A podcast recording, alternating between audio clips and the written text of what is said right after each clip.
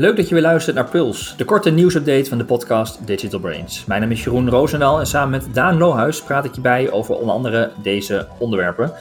Google initieert een social shopping platform, ShopHulp.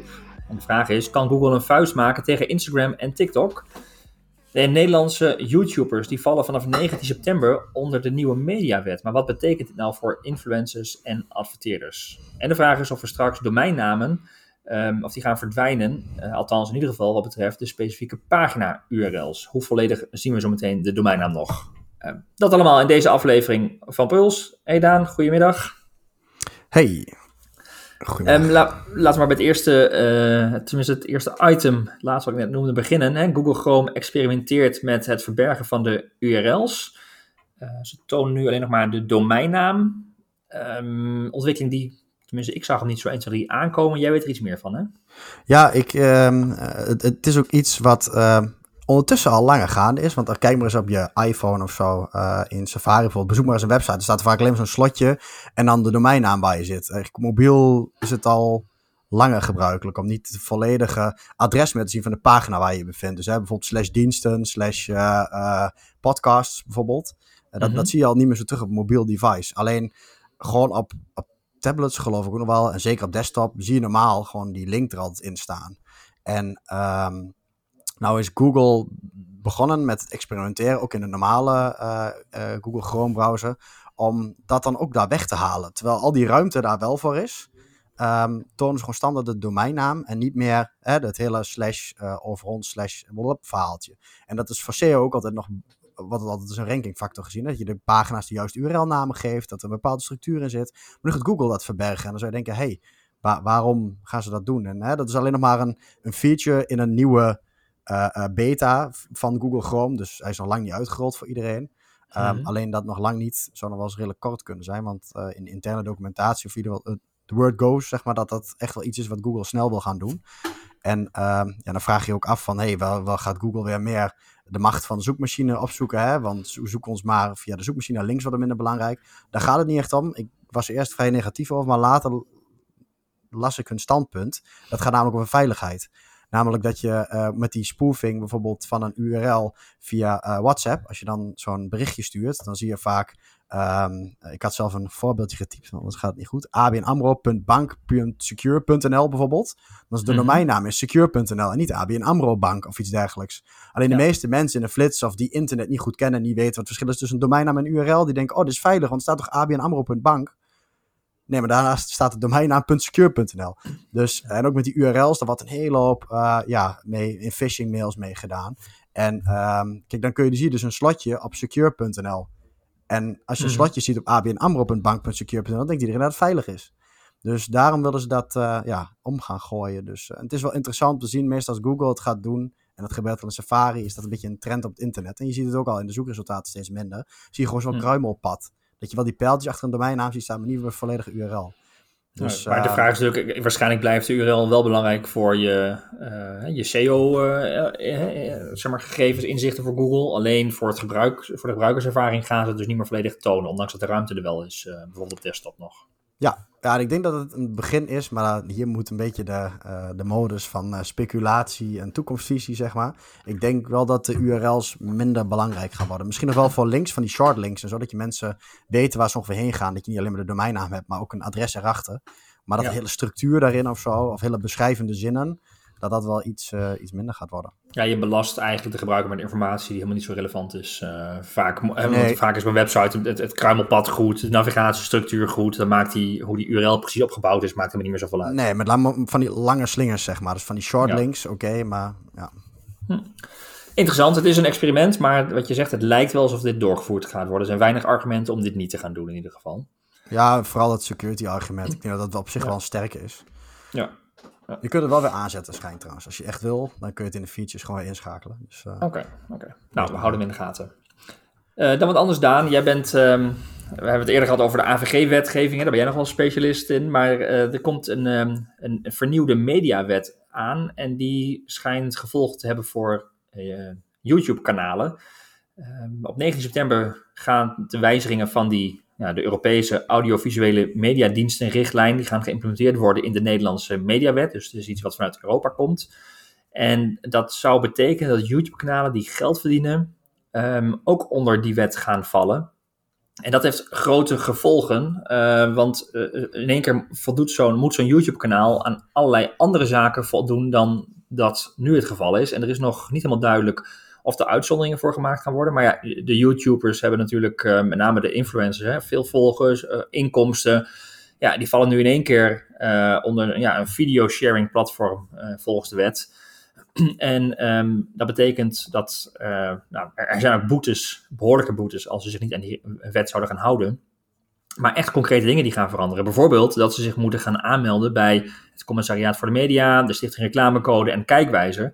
Nou, alleen dat is al bijna zo'n 700 euro aan kosten. De vraag is ja, of nog specifieke dus tarieven iedere, komen. Maar... Iedere YouTuber die dus iets wil doen met ook geld verdienen in last van YouTube ads, maar zelf dus een influencer wil zijn Ja. en daarvoor betaald wil krijgen, die moet dat dus officieel gezien doen. moet zich daar registreren en moet dan ook die kosten gaan eh, betalen. Eh, maar goed, dat is nou ja, als je heel veel geld verdient, is dat nog wel eh, te overzien. Daar kom je nog wel overheen.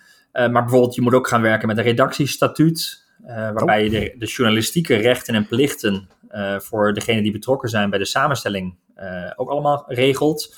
Ehm, bij productplaatsing, hè, of, dan heb je ook nog te maken met allerlei nieuwe richtlijnen waar je aan moet voldoen. Het mag niet expliciet uh, bij productplaatsing mag het product niet expliciet worden aangeprezen en mag ook geen oproep tot koop worden gedaan. Nou, dat is natuurlijk wel een groot verschil um, ja. met, met wat ze nu allemaal wel mogen.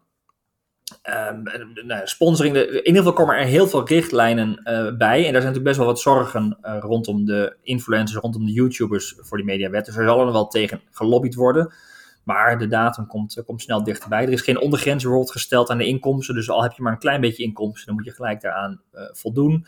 Er is geen duidelijk onderscheid tussen sponsoring, productplaatsing en andere reclamevormen. Um, nou ja, uh, het, het zal ongetwijfeld nog wel iets aangepast gaan worden, maar dit gaat wel, als het op deze manier doorgaat, grote gevolgen hebben. Ja. En dan zie je toch weer, dat verbaas ik me dan weer over, dat zo'n Europa, politiek, toch um, ja, onbeperkt of niet, niet voldoende doordenkt wat de gevolgen dan zijn voor echt het digital kanaal. Ja, het laten ze dan een beetje vrij, hè?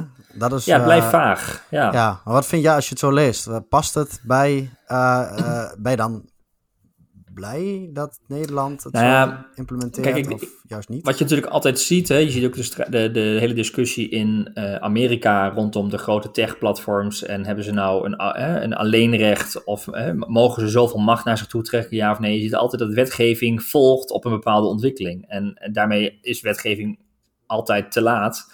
En ergens is het goed, denk ik, dat, uh, dat je het speelveld gelijk maakt. Want als je nu een bedrijf bent en je maakt um, traditioneel reclame, hè, of je bent een zender, dan heb je allerlei wet en regelgeving uh, van doen. En op YouTube zou het in één keer allemaal vrij uh, mogen zijn. Dat zou een oneerlijk speelveld zijn, ja. wat dat betreft. Dus het is daarin denk ik goed dat dingen gelijk getrokken gaan worden. Alleen de vraag is, ga je dan de regels voor YouTubers verzwaren of ga je misschien de regels voor de, de traditionele media verlichten? Hè? Want ja, waar ligt nou de toekomst? Dus nu, nu, lijkt het, hè, het is allemaal ingegeven door wat mij betreft wat meer de traditionele denkers die het, nou ja, de, met een traditionele kijk naar een nieuw medium of een digitaal medium kijken, naar een digitaal platform kijken. Um, en jij zei het al in de voorbereiding, hè, dit gaat over YouTube, maar je hebt natuurlijk veel meer video uh, kanalen waar geld mee verdiend wordt. Denk bijvoorbeeld aan Instagram, hè, uh, het, het tv-kanaal daar. Ja. Daar is ook onduidelijk of het daar gevolgen voor heeft. Dus onvoldoende doordacht voor het digitale, voor deze grote platforms wat mij betreft.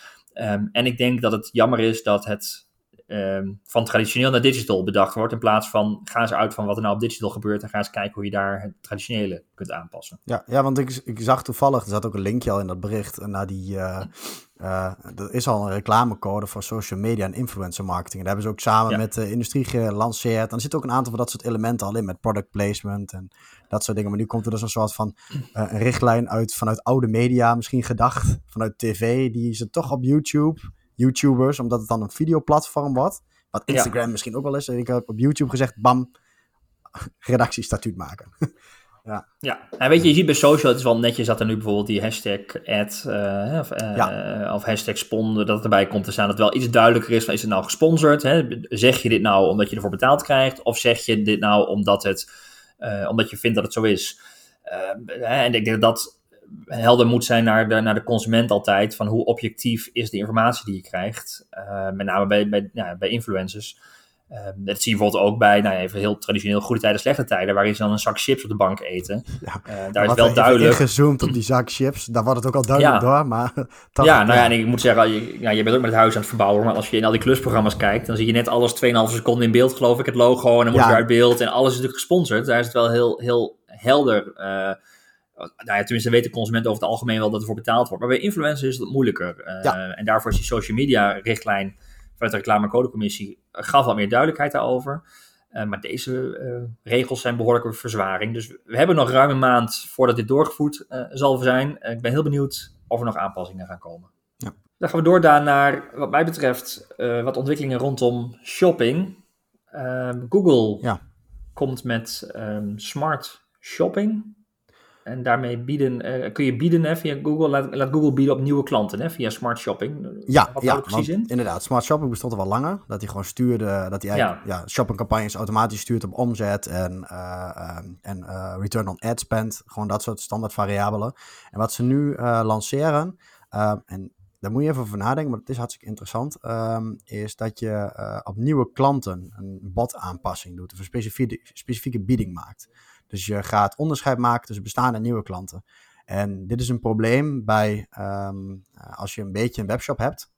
Um, zeker als je marktaandeel op een gegeven moment doorloopt. Dan zijn dat vaak dingen die, die een soort pijn gaan doen. Want je wil graag nieuwe klanten aan je binden. Want je hebt uh, een goed loyalty programma. Hè? Je weet, uh, je hebt nieuwsbrieven. Je hebt de marketingmachine ingericht om als klant eenmaal binnen bij je zijn. Om daar het maximale uit te halen.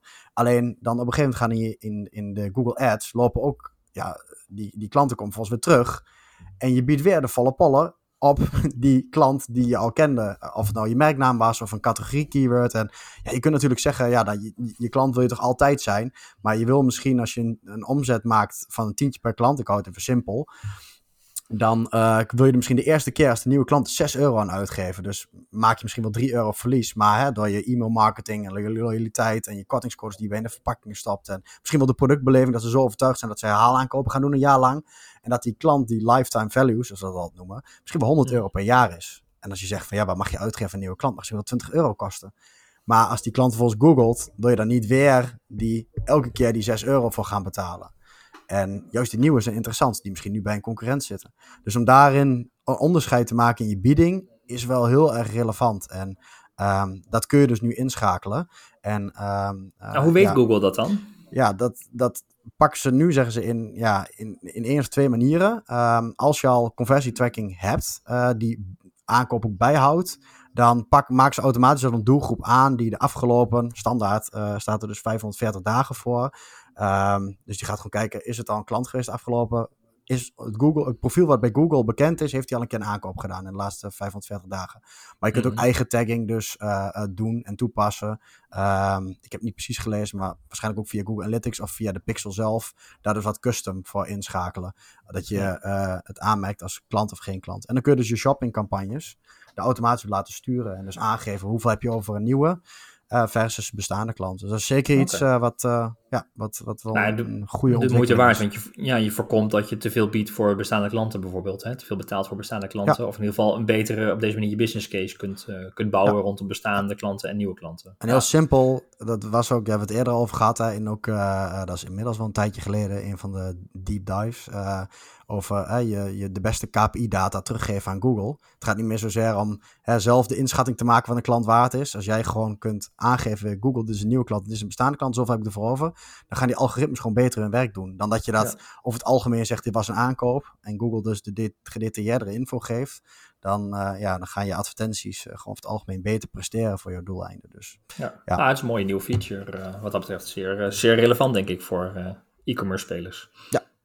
Hm. En we hadden net even over eh, video vanuit YouTube en de nieuwe mediawet. Um, en daar zie je ook weer eigenlijk een beetje hoe gedateerd dingen zijn. Want dan wordt dat nu gemaakt voor YouTube. We hadden het al even over Instagram. Maar inmiddels is Google ook aan het experimenteren met een nieuw platform. waarop in korte video's producten kunnen worden aangeprezen. Dus ja, die was jij tegengekomen. Ja. ja, die kom ik tegen. Um, ze, inspireren, of ze experimenteren met een nieuw platform. Uh, dat gebeurt volgens nog in de VS.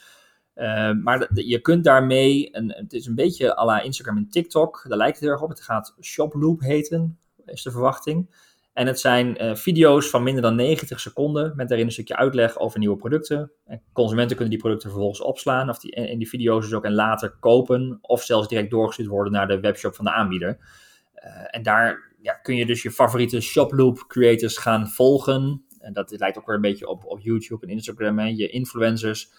Ehm, en het interessante hieraan is dat ja, Google, denk ik, op die manier wil gaan concurreren met die andere platforms. Maar dat je ook ziet dat de experience rondom shopping ja, echt ook verandert van traditioneel een productfoto en een omschrijving naar veel meer um, ja, levende paspoppen eigenlijk, uh, etalagepoppen. Ja, dat vond ik ook het interessante eraan. Die, uh, die wat jij nu beschrijft, die Um, ik, ik, ik denk niet dat dat werkt, omdat het van Google gewoon is, zeg maar. Ze zitten daar niet echt helemaal in, in dat TikTok. Domein, hè? Nee. nee. En, je ziet het wel op, op, op Instagram, TikTok wel wat, uh, dat je inderdaad net influencers aanprijzen en die impuls aankopen doordat dat je een product ontdekt uh, en dat je dat via social gewoon direct koopt en in de, in de shops die Instagram nu maakt en Facebook.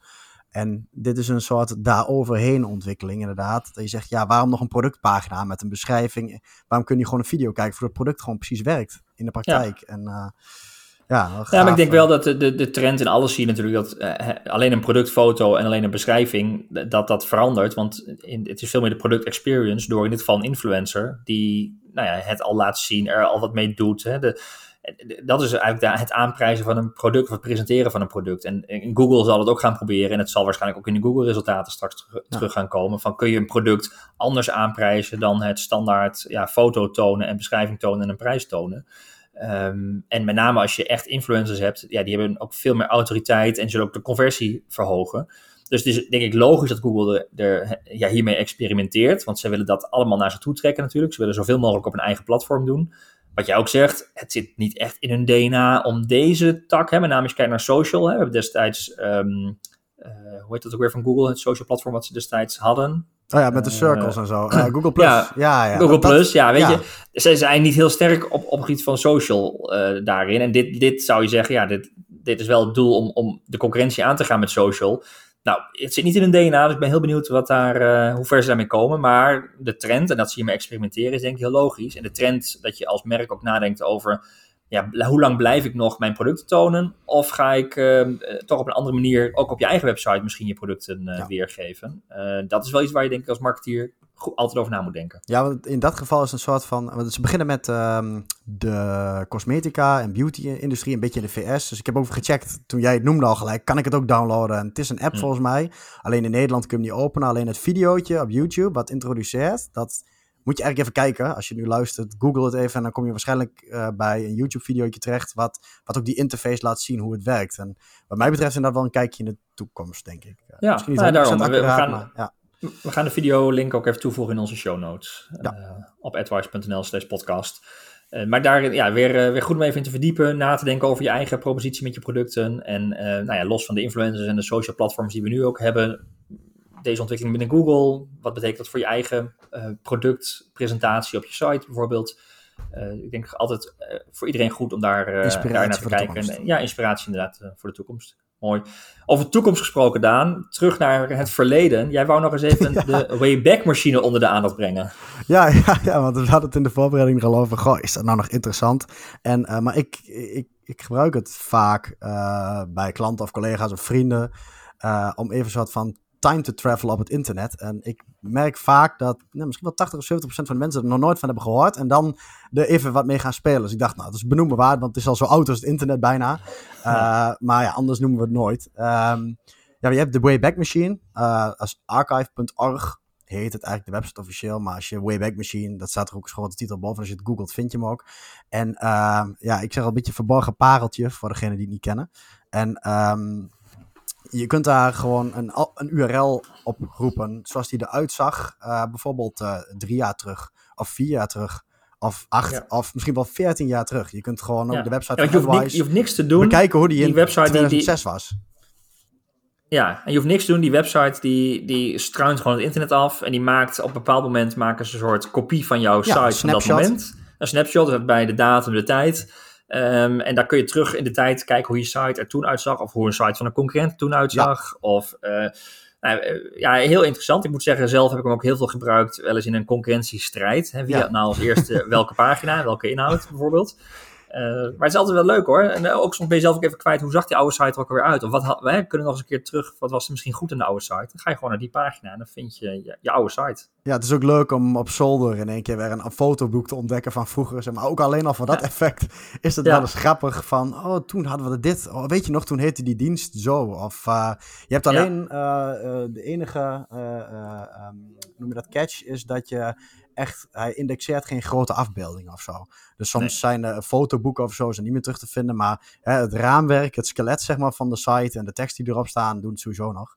Dus ja, uh, ja nou, is, ze, is ze, ze, ze, slaan een soort light variant inderdaad op van je site. Je kunt niet alle details zien, maar wel heel wat. En ja. uh, het is leuk om even terug te kijken inderdaad. we gaan de link ook in de show notes zetten. Dat was hem voor deze editie van Puls, aflevering 8 alweer. Nou, de show notes uh, vind je, van deze aflevering vind je op advice.nl slash podcast. Heb je tips, vragen, reacties of ideeën voor deze podcast? Laat het ons dan weten via podcast.advice.nl. En wil je geen nieuwe afleveringen missen of eerdere afleveringen terugluisteren? Abonneer je dan op deze podcast in je favoriete podcast-app of via Spotify of YouTube. En voor nu dan heel erg bedankt voor het luisteren en graag tot de volgende aflevering. Audible.